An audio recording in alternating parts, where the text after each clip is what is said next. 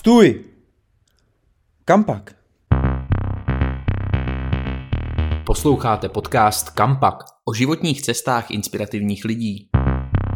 Ahoj, ahoj, po delší době vás opět zdraví Karel a Tom. A opět tu nejsme sami. A dneska přijal naše pozvání Alexander Lagáci, výzkumný pracovník Institutu Europeum, odborník na Itálii, Čínu. Alexi, vítej, buongiorno. Buongiorno. Dál pokračujeme česky, jo? Dál pokračujeme česky. Uh, Alexi, co tě, co tě kromě příjmení dělá experta na Itálii? to je dobrá otázka a určitě to příjmení tam hraje roli, ale jinak to asi bude to, že jsem vlastně uh, půlku mého života strávil v Itálii, takže tam jsem se pochopitelně naučil jazyk.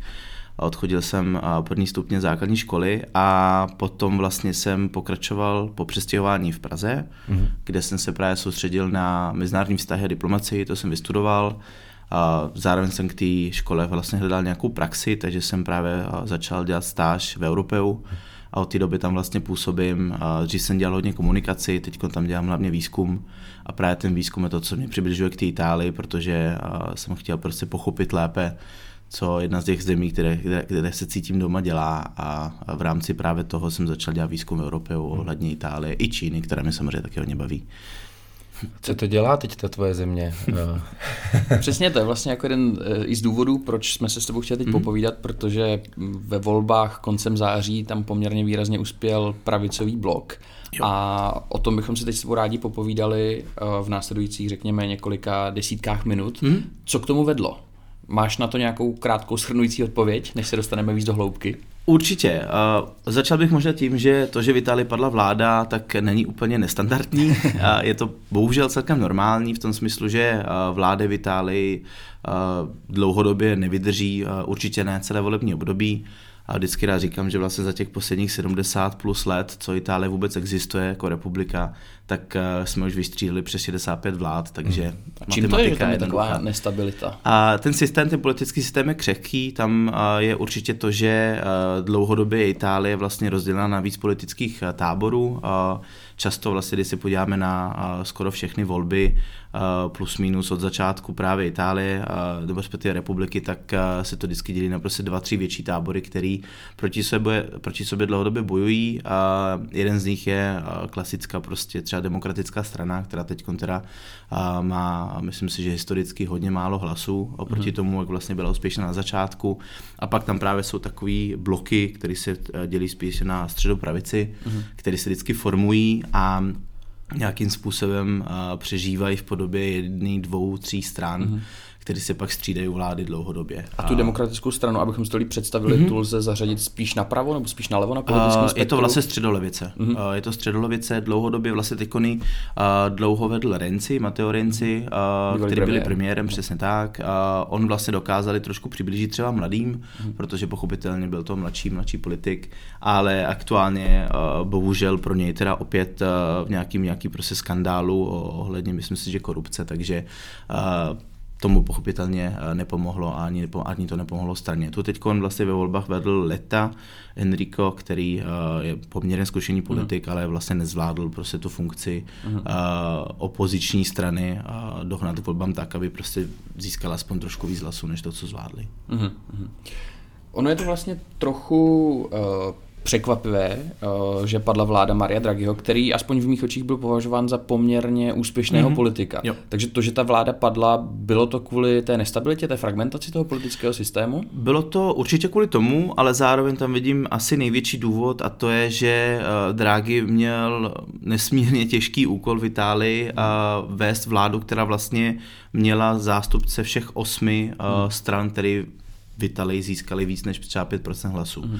Skoro všechny strany, které vlastně byly eh, v koalici, eh, byly vlastně napříč celým politickým spektrem mm. a to je pochopitelně eh, ohromně těžký úkol v Itálii, hmm. protože většinou se ty koalice právě střídají na základě nějaký dohody, která prostě funguje a většinou je právě menšinová, dejme hmm. tomu. Když to Draghi právě měl úkol vlastně držet na úzdě tolik, tolik politických stran, tolik názorů.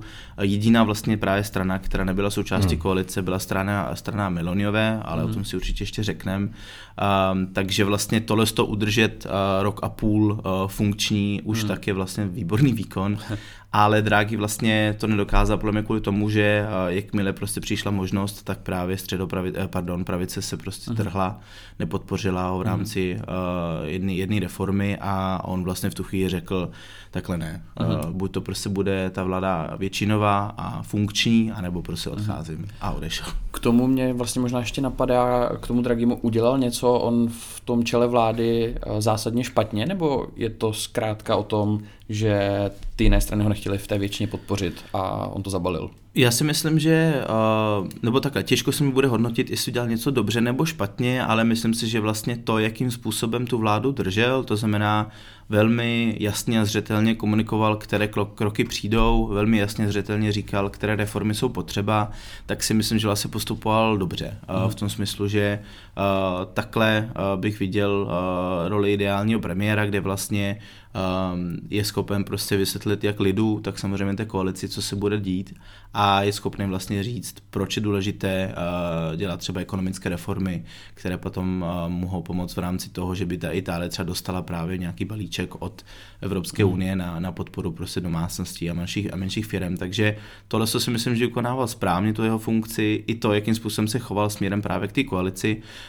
Um, je to pochopitelně razantní krok při první vlastně dostrčce uh, hned podat hmm. demisi, ale z druhé strany je to pochopitelný v tom smyslu, že uh, je to, jak říkám, uh, pro ně důležitá, důležitý, důležitý aspekty vlády. Hmm. On to říkal vlastně od začátku, prostě pokud nebude mít tu schodu a tu jednotu, kterou potřebuje, hmm tak ta vláda prostě nemůže pokračovat. Mm-hmm. A uh, to ultimátum, který vlastně dal uh, tenkrát právě straně která způsobila tu roztržku, což vlastně byla teoreticky za to hnutí pěti hvězd, ale mm. k tomu jsem samozřejmě připojila i Forza Italia od Berlusconiho a i Liga od Salvinio, tak uh, oni se vlastně neschodli na nějakým balíčku podpory domácností právě menších firm, který, vlády, uh, který Draghi navrhoval a tu neschodu vlastně vyjádřili tím, že pro něj potom nehlasovali v rámci hmm. důvěry. A, hmm. Takže on, Draghi, získal tu první důvěru, když hmm. se přišlo hlasování, ale vlastně bylo mu jasný, že některé strany už vlastně ho nepodporují. Hmm.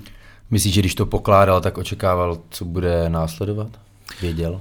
Já si myslím, že částečně ano, v tom smyslu, že uh, znova, jak je v celkem zvykem, tak prostě vlády padají uh-huh. a uh, potom je vlastně v rukou prezidenta, aby jmenoval teda uh, buď to nástupce, určitě třeba připomenu fakt, že ta vláda, kterou vedl Draghi, tak byla uh, třetí za sebou úplně odlišná koalice, aniž by vůbec Italové šli k volbám. Mm-hmm.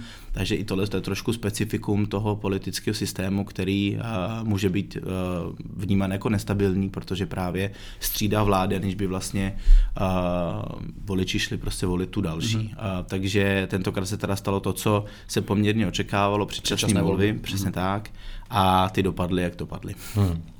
Už tady padla jména uh, George Meloniové, Silvia Berlusconiho, mm-hmm. Mattea Salviniho, tedy zástupce tří stran, které ve volbách uspěly nejvíc, tedy Ligy, uh, Bratři Itálie a Forza Italia. Tak, tak. Uh, čím to, že uspěl zrovna tenhle ten pravicový blok? Je to dáno tím, že jak dlouhou dobu nebyly volby v Itálii? Čím to vlastně? Pokládám si otázku, proč ten pravicový blok takhle uspěl. Mm-hmm. Uh, to je otázku, kterou jsem si taky pokládal, ale myslím si, že uh, tři čtvrtě voličů taky uh, v Itálii, ale uh, v zásadě já tam vidím dva hlavní důvody uh, tohoto úspěchu vlastně uh, Musíme pravice. si proměň jenom říct, že ona to, on to není většinový úspěch. Jo, přesně Ten tak. pravicový blok sice vyhrál jako nejsilnější uskupení, ale není to tak, že by měli nějakou 50, 60, 70% podporu. Přesně tak. Oni vlastně dohromady získali, myslím, že 43 nebo něco podobného, um, což jim vlastně uh, stačí v rámci třeba uh, sněmovny, ale v rámci Senátu už uh, budu potřebovat najít vždycky dalších pět uh, senátorů, aby, aby podpořili vlastně um, projití zákonu, ale co se týká ty podpory, aby se k tomu vlastně vrátil, tak já tam vidím jedno specifikum těchto voleb a to je právě fakt, že vlastně Meloniová měla jako jediná celou dobu vlastně Draghiho koalice čas se připravovat, mm-hmm. protože ona jako jediná nebyla vlastně součástí té koalice.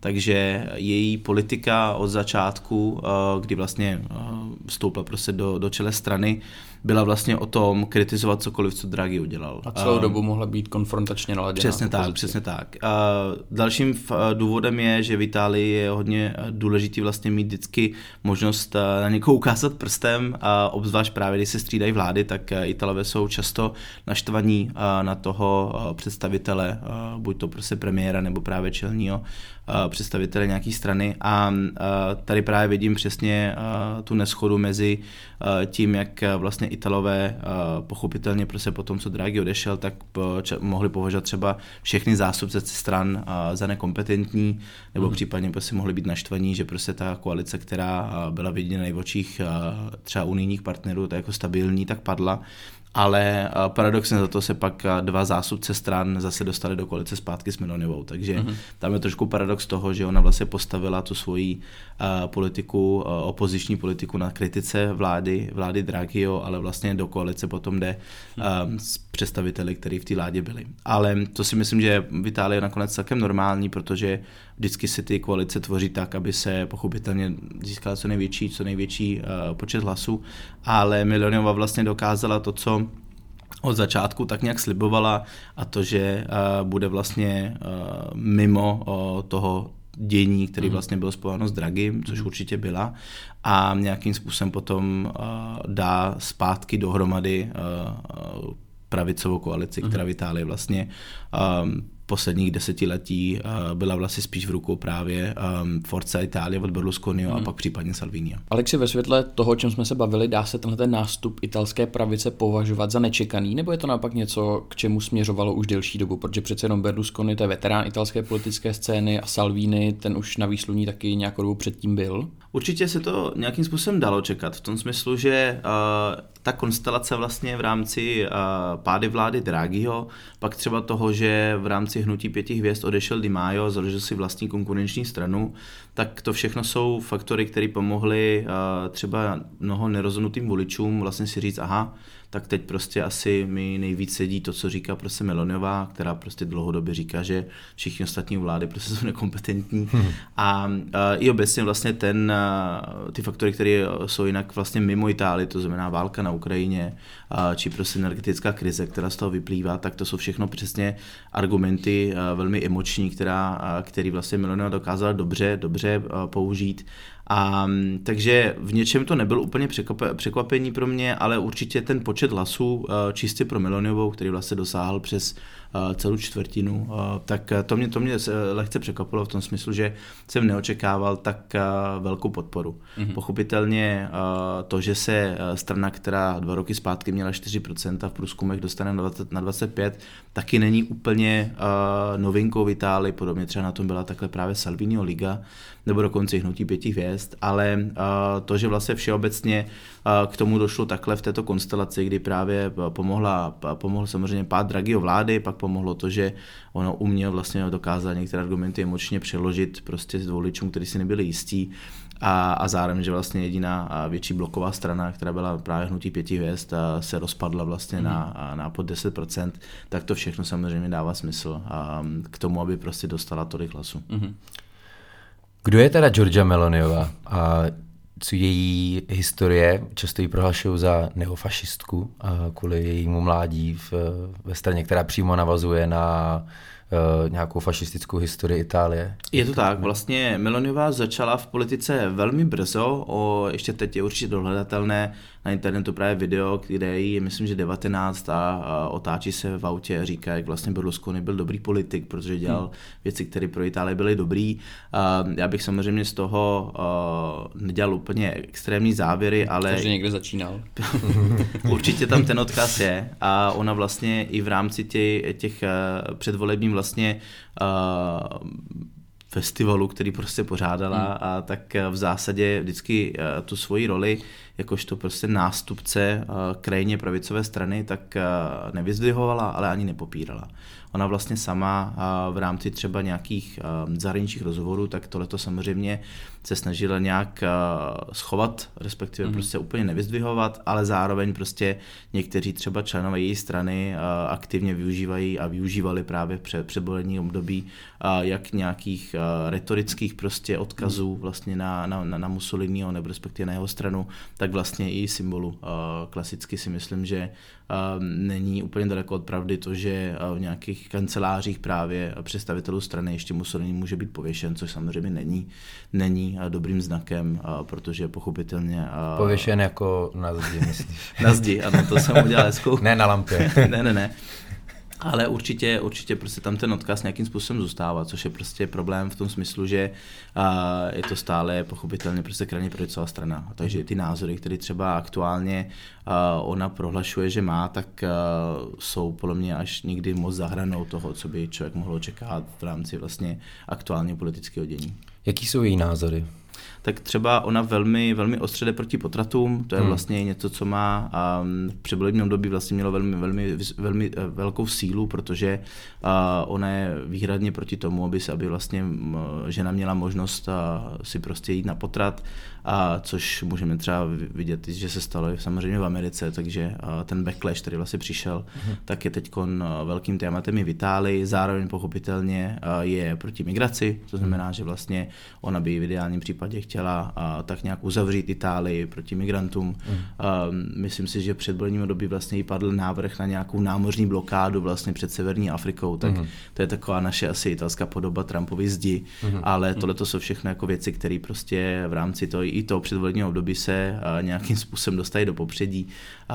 Ale je velká otázka, což si myslím, že teď trošku uklidní možná spíš levicové nebo právě středolevicové voliče, co všechno vlastně ona zvládne udělat v rámci, v rámci toho, až se staví vládu finálně protože ještě teď vlastně jsme v období, kdy se vláda staví aktuálně, ještě většinou to v Itálii trvá až dalších pár měsíců, mm-hmm. než se vlastně zvolí všechny zástupce všech důležitých postů a tak dále. Tak to vydrží rok, že jo, se to staví znovu. No, přesně tak, ale myšlenka je taková, že vlastně Ona se bude snažit pochopitelně něco, něco prosazovat, ale z těch předvolebních slibů, tak pochopitelně třeba ta námořní blokáda mi připadá jako, hmm. jako upřímně blbost. Takže... Zrovna námořní blokáda v případě Itálie, to by měly z geografického hlediska docela obtížný. Přesně tak, jako přesně tak. Blokádu Jadranu nejdřív. Tak, tak, tak. Ona, já si myslím, že jádro toho, té blokády vlastně spočívá v tom, že bych chtěla jenom prostě zvýšit vlastně uh, nějak jakoby to, aby se, respektive kontrolu na hranicích že jo, Evropské unie na jihu, aby se prostě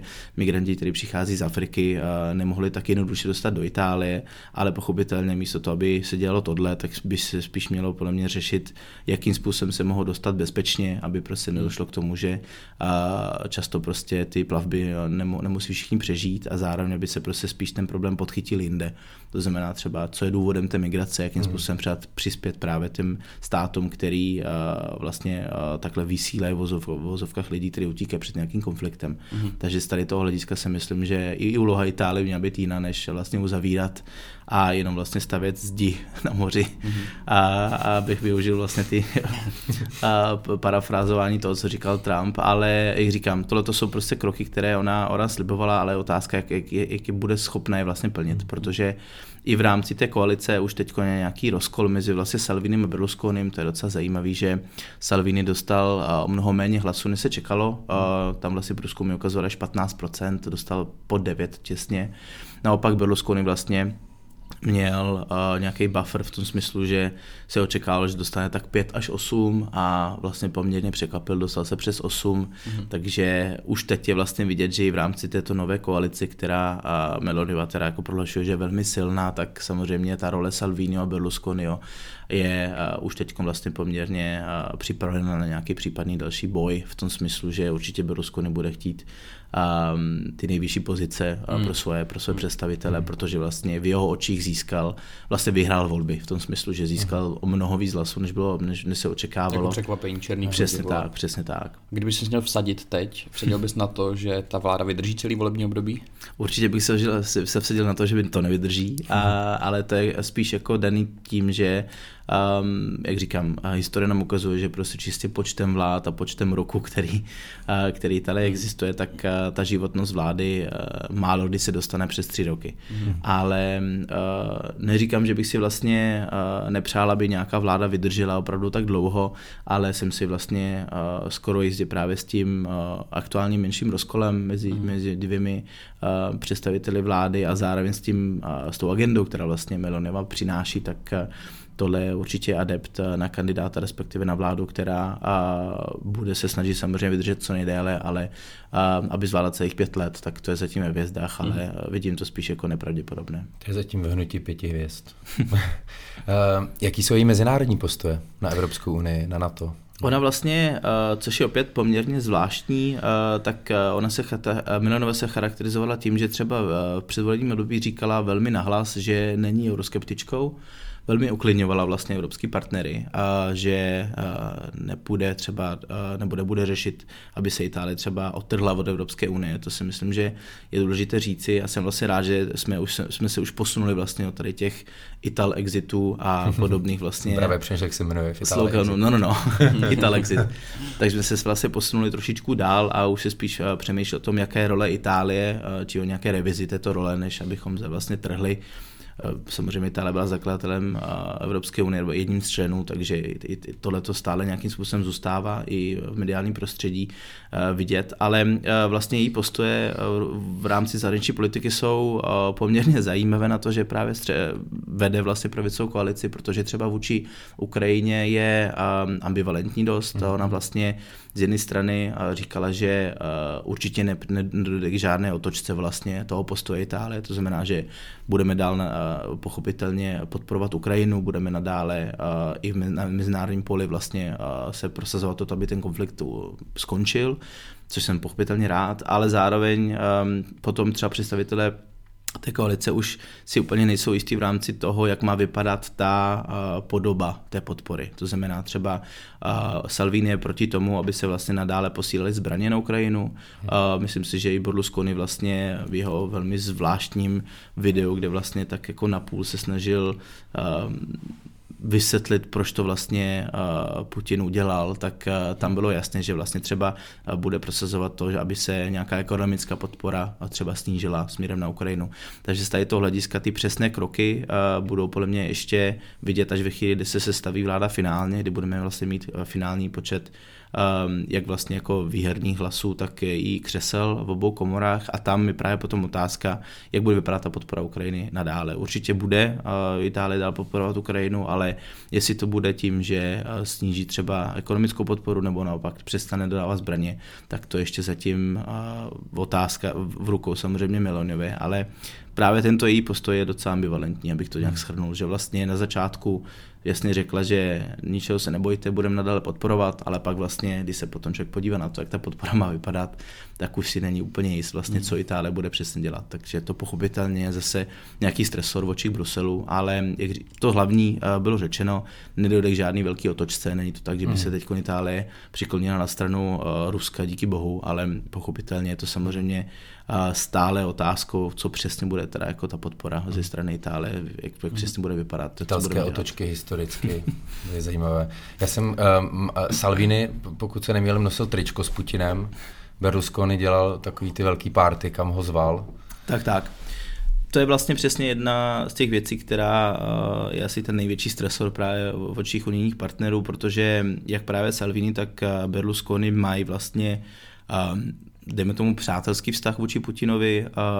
Přesně oba se vlastně s tímto politikem v minulosti setkali osobně a využívali vlastně to setkání na vlastních sociálních sítích, přesně buď to v tričku, nebo prostě klasická fotka někde na nějaký vilce, tak to je mm-hmm. přesně jako chování, který pochopitelně v očích potom třeba levicových nebo středolevicových voličů vyzdvihá velké otázky ohledně přesně jako, jako je, té podoby té podpory Ukrajiny, ale v tady tomto hlediska si myslím, že je důležité potom se zpátky kouknout vlastně na ty čísla, kolik vlastně křesel dostane Meloniova, respektive její strana, která podle jejich slov prostě nebude, nebude nějakým způsobem chtít otočit tento postoj. Mm-hmm a minimálně prostě ta na mezinárodním poli bude prostě Itálie dále podporovat Ukrajinu mm. a podporovat to, aby ten konflikt skončil. Takže um, toto je vlastně si myslím, že přesně klíč ty ambivalenci v rámci té koalici, že vlastně mm. přesně dva čelní představitelé té koalice jsou známí tím, že mají prostě spíš přátelský vztah vůči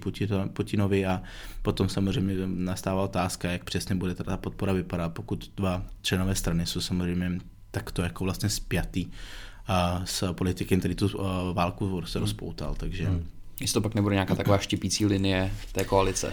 Může být, může být. Uh, já si myslím, že to je určitě jedna z otázek, která, která koalice teď aktuálně velmi uh, pečlivě řeší a to je ta podoba té podpory, podobně vlastně jako ta podoba uh, reform, které Draghi vlastně začal a které vlastně nastolil, aby Itálie vlastně mohla získat právě um, unijní podporu. Tam je balíček, myslím si, že v hodnotě asi 200 miliard euro, a, který vlastně je podmíněn tím, a, že Itálie bude nadále pokračovat v reformách, a, které a, samozřejmě vedou k tomu, aby se zlepšila ekonomická situace, protože ten třeba křehký bankovní sektor je stále prostě velkým tématem i v očích Bruselu, a, protože mm, Dá se v zásadě říci, že italská ekonomika je takzvaně too big to fail, v tom smyslu, že kdyby prostě se stalo uh, něco vážného v rámci třeba italské ekonomiky, tak to bude mít určitě následky do eurozóny a to si vlastně v Bruselu nikdo nepřeje. A ten velký plán obnovy, uh, mám si to představit tak, nebo chápu správně, že je to po pandemii covidu, aby Přesně se tak, italská ano, ekonomika ano. znovu to, postavila na nohy. Jo, je to především vlastně po pandemii covidu, ale je to i nějaká reakce třeba na energetickou krizi pochopitelně a je to vlastně plán, který by měl pomoct především právě italským domácnostem a pak malým a středním podnikům se vlastně z této krize dostat. Zároveň tam samozřejmě podpora větších institucionálních prostě hráčů, jako jsou banky, kde vlastně jejich averze k riziku aktuálně samozřejmě je mnohem vyšší v tom smyslu, hmm. že prostě čím dál méně budou chtít prostě se půjčovat subjektům, který prostě uh, mají třeba horší bonitu či podobně, či podobně ukazatele. A tento balíček měl právě jít na podporu těmto hráčům, který prostě budou potřebovat hmm. vlastně kapitál k tomu, aby se uh, z nějakých uh, existenciálních dokonce problémů mohli dostat. A je to plán, který teda začal Draghi, ale je teď na Meloniové a jejím pravicovém bloku, aby Přesně tak. Draghi vlastně začal zavádět ty hlavní reformy k tomu, aby se tohle stalo v tom smyslu, že podobně jako vlastně za posledních pár desítek let uh, hodně z těchto uh, unijních vlastně plánů na podporu Itálie právě podmíněnou nějakými reformami, aby se vlastně uh, nějakým způsobem dokázalo, že prostě ty peníze jdou tam, kam je potřeba, by šly. A tento plán vlastně začal přesně Draghiho vláda s tím, že ty hlavní reformy prostě prosazovala od začátku. A vlastně Meloniová bude určitě chtít nějakým způsobem v tomto pokračovat, protože pochopitelně se jedná poměrně dost peněz. A i v rámci právě těch, toho předvolebního období nebylo úplně jasné, co s tím bude chtít dělat, protože ona se nechala slyšet, že bude chtít revidovat tento plán podpory, respektive tyto reformy, ale zároveň pochopitelně um, si nikdo nemyslí, že by ho chtěla prostě konečně úplně zavřít. Mm. Takže z tady toho hlediska je jasné, že se bude nějakým způsobem pokračovat ale ta přesná podoba opět bude přicházet až ve chvíli, kdy bude jasná ta vláda, protože um, i z tady toho hlediska je důležité připomenout, že uh, byly velmi ambivalentní tentokrát všechny tři strany, což je hmm. do koalice. Takže nějaká revize asi přijde, ale co přesně to znamená pro Itálii, zatím nikdo úplně netuší, protože uh, to, co je jasné, že prostě pokud nebudou um, ty reformy pokračovat, tak uh, Unie prostě zastaví to financování a to si myslím, že aktu- v aktuální uh, koalici si nikdo nepřeje. Mm-hmm. Je tam rozdíl v postojích mezi severní a jižní Itálií?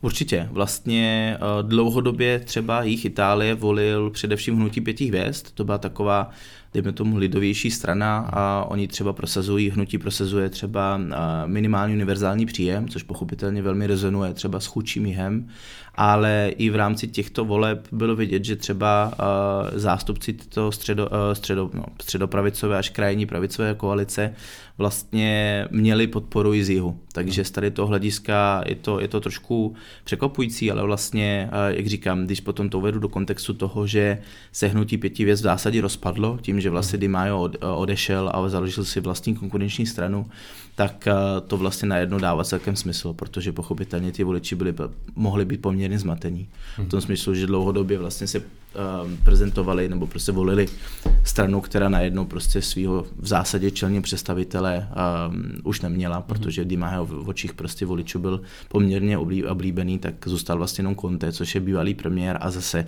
tam se potom opakuje historie v tom smyslu, že uh, bývalý představitel, ještě k tomu premiér, se někdy nemusí těšit úplně podpory obyvatel, který vlastně ho volili a který zjistili, že vlastně jeho vláda potom padla. Hodně mluvíš o ambivalenci. A v tomhle kontextu mě vlastně napadá, že ona je to vlastně velmi paradoxní situace, že máš teď uh, takový uskupení, který pravděpodobně vytvoří vládu v Itálii. Mm-hmm. Dvě z jeho čelních postav jsou, řekněme, nějaký kamarádíci s Putinem, nebo mají k němu velmi jako blízký vztah. Uh, potom je tam strana, která má ve svém logu, nebo to, to logo není nepodobný uh, logu historicky z strany spjatý s fašismem. Říká se, že ta strana nebo ta vláda bude jako jedna z nejpravicovějších v Itálii od doby Mussoliniho, tak mě to vlastně nějak moc jako nejde dohromady. I to, že se vlastně ta Meloniová od tohohle historického odkazu asi ne tak úplně distancuje, jak by, dejme tomu, mohla, hmm. tak nemůže jít tenhle ten jako paradoxní zvláštní mix uškodit třeba na mezinárodní scéně?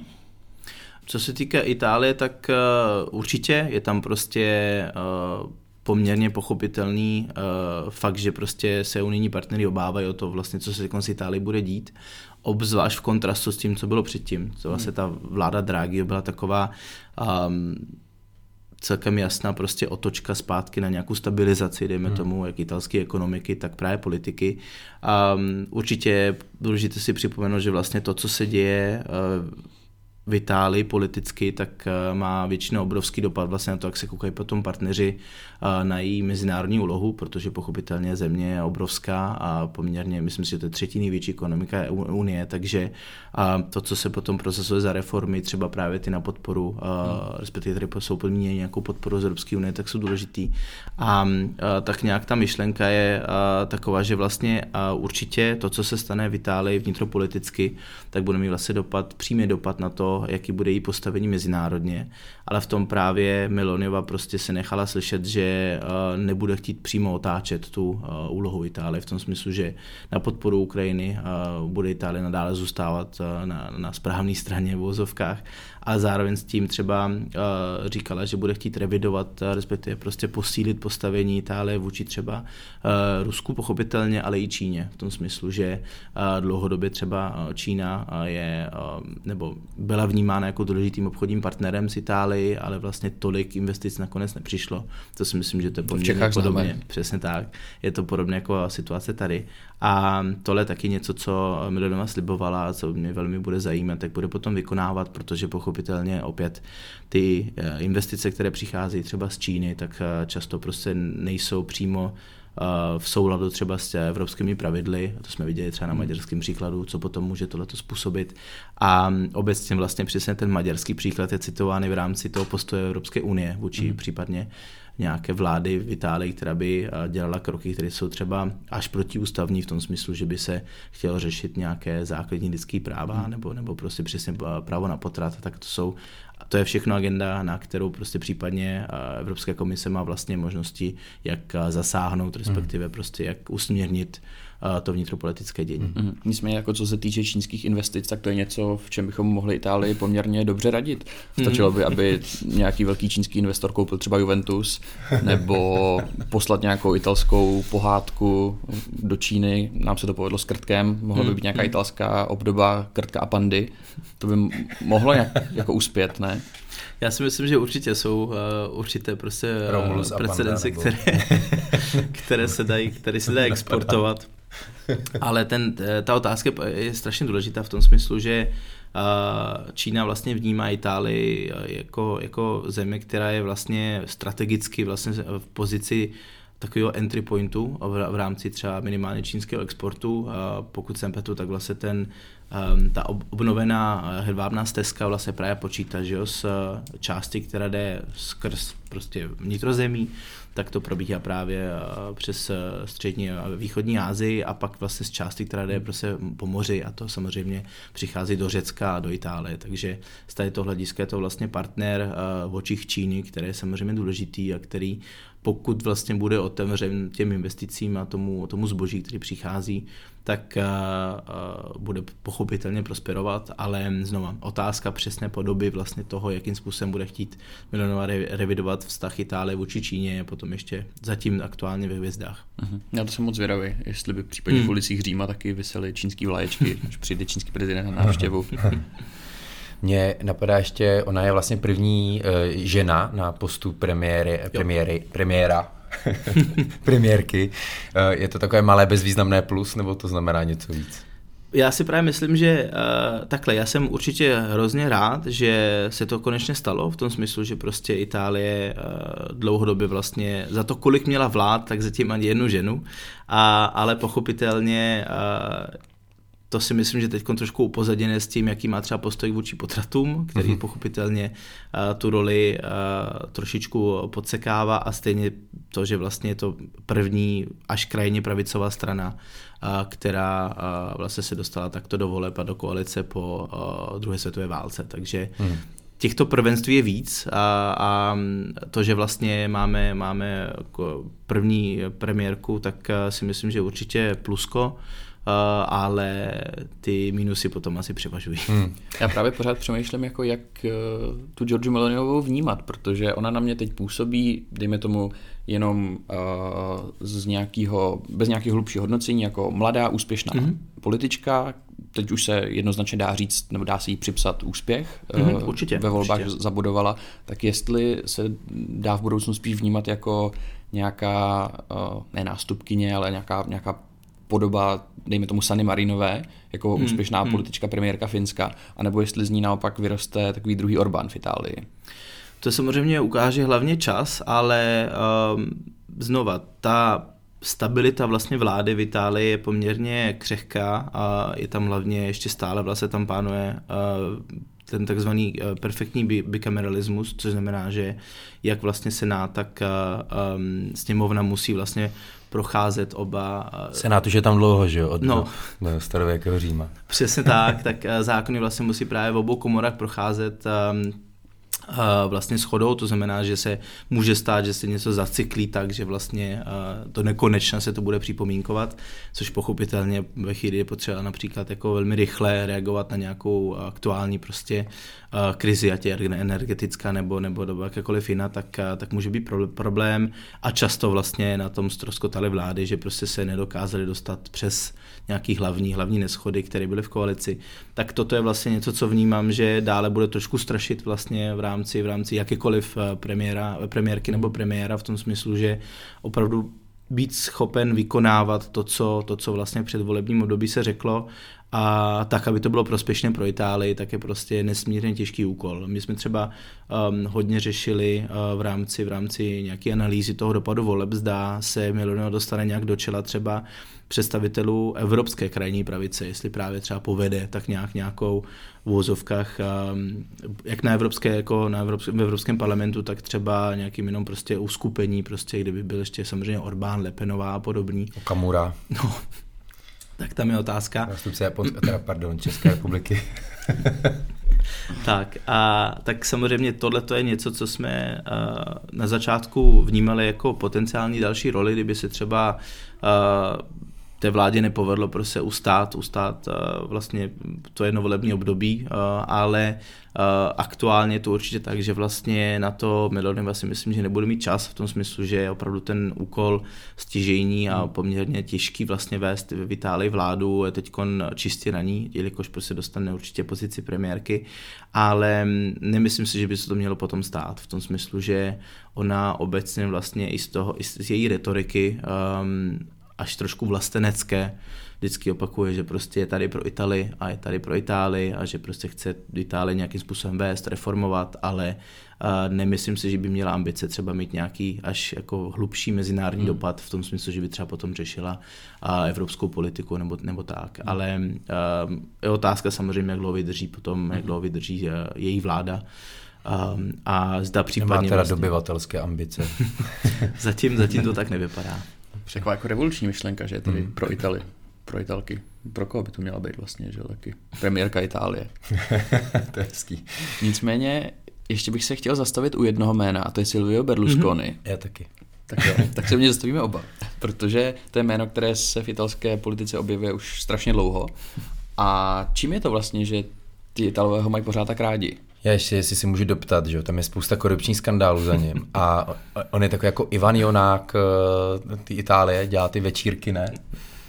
Co je, je to něm? tak, je to tak. Je populární, protože dělá tak dobrý večírky? Já si myslím, Třeba že Mirek vlastně... Topolánek by o tom taky mohl vyprávět. Nejsem, nejsem si jistý o kvalitě večírku, byť, byť si myslím, že uh, jich určitě mnoho dělal. Tak a... 8% uh, voličů nezaujmeš jen tak, že? je to tak, no. Já si myslím, že jeho, jeho vlastně podpora Uh, nebo klíčem k jeho podpoře vlastně se, se, dá, se dá najít v rámci uh, toho, že ještě stále vlastně vlastní jedno z největších médií uh, v Itálii a to je vlastně te kanál Mediaset. To jsme v Čechách viděli taky, že může být klíč úspěchu. Přesně tak. tak to jsou pochopitelně, to jsou pochopitelně potom uh, hodiny a hodiny vlastně v vozovkách reklamy, nebo respektive prostě značky, které si buduje na svým méně, uh, kdy uh, pochopitelně uh, těch tří plus kanálu, který vlastně vlastní. Uh, Moderuje to všechno sám? nebo? Ne, to ne, to ne, to naštěstí ne. ale... Arena Silvia Berlusconiho. Přesně tak, ale, ale v zásadě se snaží nějakým způsobem neustále vlastně působit na, na, na ty voliče, který ho tak nějak eh, za jeho politickou kariéru provází. Ehm, jeho podpora v aktuálních volbách je v skutku vlastně vysoká, to jsem si myslím, že ani sám Berlusconi úplně nečekal, že by dostal tolik hlasů. On už to samozřejmě označil za největší výhru a že prostě, kdyby měl i přes Salviniho hlasy, což eh, je vlastně teď, myslím, že asi půl procenta hlasů eh, méně. Ne? Kdyby dostal víc, tak eh, si myslím, že by to určitě řádně oslavil nějakým večírkem, protože by to pro něj byla, byla vlastně významná výhra, ale i tak už teď vlastně se těší té podpory, které, mě, které má, takže z této hlediska poměrně překvapil. A jinak vlastně voliči Berlusconiho to je podle mě otázka, kterou si pokládá skoro každý Ital v tom smyslu, kdo přesně volí Berlusconiho, protože často třeba v kruhu mladších lidí už je to takový prostě dinozaurus v italské hmm. politiky, který tam je prostě strašně dlouho, má za sebou prostě několik korupčních afér, a dokonce měl zákaz vstupovat hmm. do politiky, kterého se potom u mě zbavil, takže z tady toho hlediska si myslím, že ta podpora zůstává buď to u lidí, kteří vlastně podporují od začátku, který prostě tak nějak vnímají jeho cestu a jeho úspěchy za opravdu úspěchy, v tom smyslu, že dokázal pokračovat v té politice, kterou, kterou vlastně dělal a dokázal přes všechny aféry a ví všechno, co, uh, co ještě provedl, tak si udržel vlastně post politika a, a pak zbytek jsou podle mě lidi, kteří uh, jsou vlastně ovlivňovány tím, že vlastně se koukají na to, co on vydává v médiích a v, v rámci jako svých kanálů v zásadě um, neustále prostě pochopitelně opakuje nějaké vlastní výroky nebo či vlastní reklamu, takže mm. jsou ovlivňovány tím, co prostě vidí. Jinak to ty jsi říkal arena uh, Silvia Berlusconi a myslím, že to je spíš koloseum Silvia Berlusconi. že budeme tematický. Dobře. Historický odkaz nesmí chybět. Samozřejmě. Dobře, blížíme se uh, ke konci. Tome, co tam máš ještě za otázku? Je, ještě před úplným koncem bych se chtěl zeptat, uh, dá se tohoto vítězství toho pravicového bloku v Itálii vnímat uh, nějakým způsobem z českého pohledu, nebo co to vlastně znamená, jak to tady v České republice číst, protože někteří politici i z vládních stran mm-hmm. se z toho vítězství italské pravice poměrně nepokrytě radovali. Jo, vlastně to si myslím, že je důležitá otázka, ta podpora, kterou vlastně uh, Miloneva dostala, tím se vlastně vracím zpátky k nějaké je, její role lídrně pravicových hmm. bloků po celé Evropské unii, či ještě i dále, tak uh, pochopitelně někdo prostě gratuloval čistě prostě z nějakých formálních prostě důvodů, kde se pochopitelně gratuluje novému premiérovi nebo premiérce teda. A někdo gratuloval možná z víc osobních důvodů, a to je potom určitě zpěto tím, v jaký straně, respektive kde v rámci politického spektra ta strana se pohybuje. Ale myslím si, že obecně vlastně ta snaha Melonivy vlastně teď ukázat svoji výhru jako výhru pravice začala a skončila tím, že se stala premiérkou. Mm. Nemyslím si, zpátky se vracím právě k té odpovědi předtím, nemyslím si, že by měla ambice vlastně nějaké hlubší role v rámci um, a nějaké aliance vlastně pravicových koalic. Je to spíš o tom, že dokázala tu svoji výhru vlastně postavit nějak mezinárodně hmm. na poli samozřejmě pravicových, pravicových prostě stran, jakožto konečně výhru pro Itálii, což opakuje velmi často, ale pochybuji, že by měla vlastně ambice se třeba spojovat nějak mezinárodně, případně s nějakou českou stranou, hmm. kde by vlastně řešila třeba na Evropské úrovni nějakou politiku. Určitě bude mít zástupce vlastní strany, které v rámci Evropského parlamentu a tak budou uh, usilovat o to, aby se samozřejmě jako zachovávali body její agendy, ale jak říkám, zatím tam není žádná známka a nějaké hlubší koalice, respektive koalice, hlubší, hlubší spolupráce, než to, že si samozřejmě ty strany navzájem spolu, spolu uh, pogratulovali, že došlo k teda k výhře, tak to, tak to mm. až říkám, až krajně pravicové strany v Itálii po 70 letech. Mm. Alexi, ty se momentálně odborně analyticky věnuješ Itálii, částečně i Číně. To je tedy v současnosti. Co do budoucna? Nalákala by tě třeba nějaká jako úplná změna, nevím, stát se DJem třeba nebo něco podobného, protože s tím souvisí i naše taková jako klasická otázka na závěr. To je kampák. to jsem trošku čekal takovou otázku, tak jsem rád, že jsem se na ní vůbec nepřipravil, protože si myslím, že důležitý je vlastně být úplně upřímný zatím, že bych se vrátil nějak zpátky k DJování profesionálně asi úplně ne, v tom smyslu, že jsem rád, že to stále nějakým způsobem pokračuje, ale je to spíš koníček, ale co se týká vlastně nějakého dalšího, dalšího směřování, tak teď jsem vlastně v startupu, kde jsem velmi spokojený tím, jaký má dopad toho, co děláme. A ta vize, která je globální, tak mě vlastně neplně natolik, že si myslím, že budu rád, pokud budu společně vlastně tuto vizi formovat až do toho konce v vozovkách, který v tomto případě ne, nepovažuji klasicky třeba exit, ale spíš právě mít ten až globální dopad, kdy prostě budeme pomoct, budeme moci pomoct firmám po celém světě, takže... Alexi, až se z tebe stane jednoduše, co ovládneš startupový svět, přijedeš do Itálie, a stvoříš vládu, která vydrží pět let? Tam se právě, tam se právě, ale uh, z části vlastně vracím ke kořenu v tom smyslu, že uh, nemyslím si, že bych šel zpátky do Itálie, do politiky, ale třeba v rámci trhu, který jsme si uh, udělali průzkum pochopitelně celého evropského trhu, tak právě v rámci toho průzkumu nám vyšlo, že zrovna Itálie je největším trhem toho, co děláme v rámci Fortrans, což je v zásadě factoring a tam přesně bychom se případně chtěli vrátit nějakým druhý, třetí vlně expanze. Um, takže z tady toho hlediska je možné, že se potom ještě vrátím ke kořenu do Itálie. Pomůžeš Itálii ekonomicky.